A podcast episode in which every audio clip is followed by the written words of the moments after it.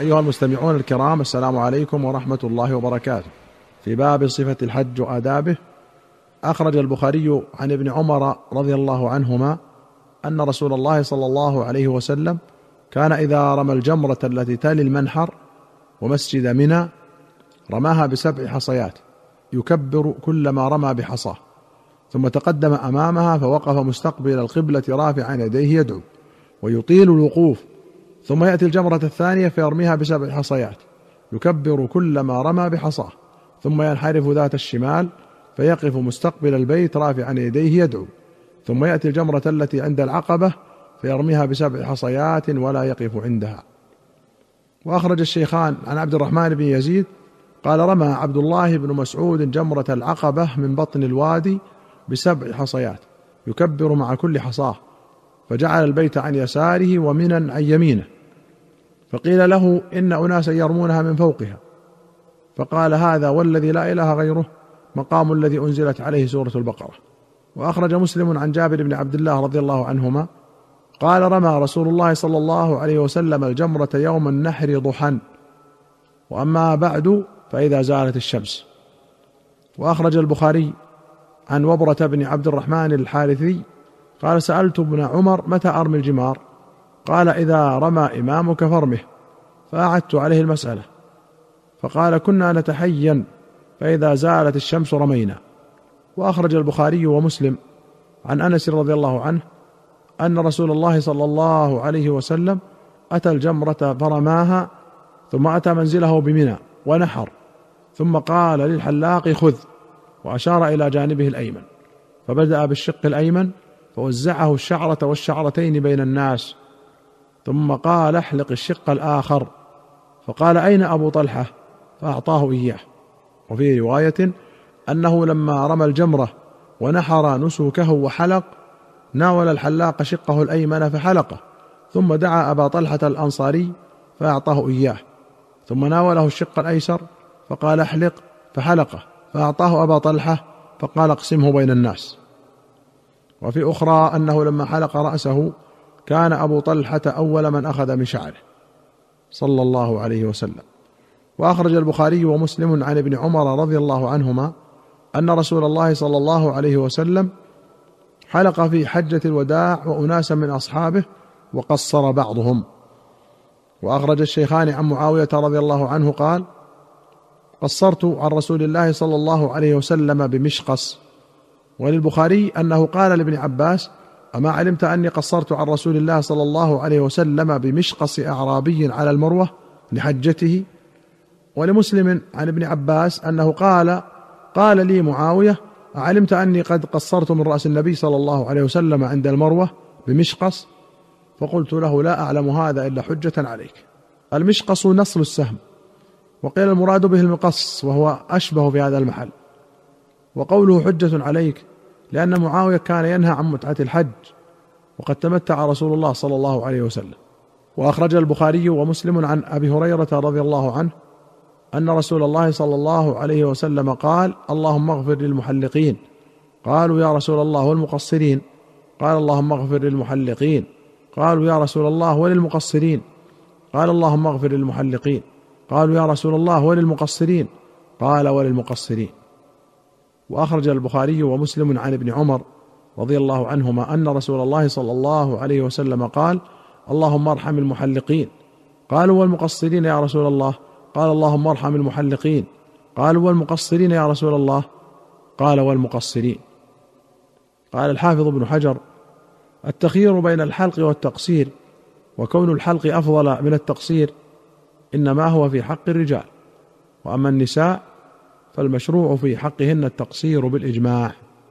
وأخرج البخاري ومسلم عن عبد الله بن عمرو بن العاص رضي الله عنهما أن رسول الله صلى الله عليه وسلم وقف في حجة الوداع بمنى للناس يسألونه.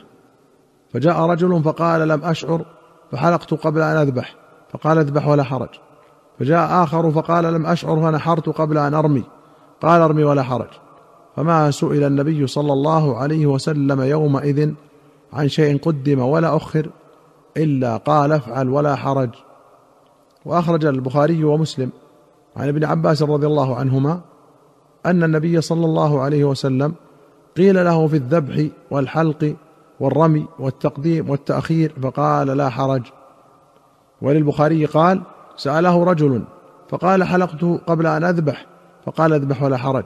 قال رميت بعدما أمسيت قال لا حرج. وفي أخرى له قال رجل زرت قبل أن أرمي قال لا حرج. قال حلقت قبل أن أذبح قال لا حرج. قال ذبحت قبل أن أرمي قال لا حرج. وأخرج البخاري عن نافع. قال كان ابن عمر ينحر في المنحر. قال عبيد الله منحر النبي صلى الله عليه وسلم. وفي رواية أن ابن عمر كان يبعث بهديه من جمع من آخر الليل حتى يدخل به منحر النبي صلى الله عليه وسلم مع حجاج فيهم الحر والمملوك. وأخرج مسلم عن ابن عمر رضي الله عنهما أن رسول الله صلى الله عليه وسلم أفاض يوم النحر ثم رجع فصلى الظهر بمنى. وكان ابن عمر يفيض يوم النحر ثم يرجع فيصلي الظهر بمنى ويذكر أن النبي صلى الله عليه وسلم فعله. أخرجه البخاري معلقا وأخرجه مسلم مسندا. وقوله أفاض أي طاف بالكعبة طواف الإفاضة. وسبق في حديث جابر الطويل أن النبي صلى الله عليه وسلم أفاض إلى البيت يوم النحر فصلى بمكة الظهر. قال النووي وجه الجمع بينهما أنه صلى الله عليه وسلم طاف للإفاضة قبل الزوال ثم صلى الظهر بمكة في أول وقتها ثم رجع إلى منى فصلى بها الظهر مرة أخرى بأصحابه حين سألوه ذلك.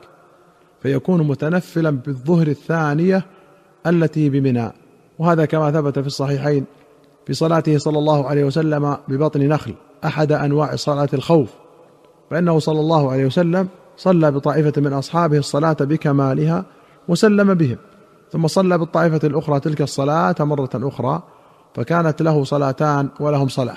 وأخرج مسلم عن نبيشة الهذلي رضي الله عنه أن رسول الله صلى الله عليه وسلم قال أيام التشريق أيام أكل وشرب وذكر لله.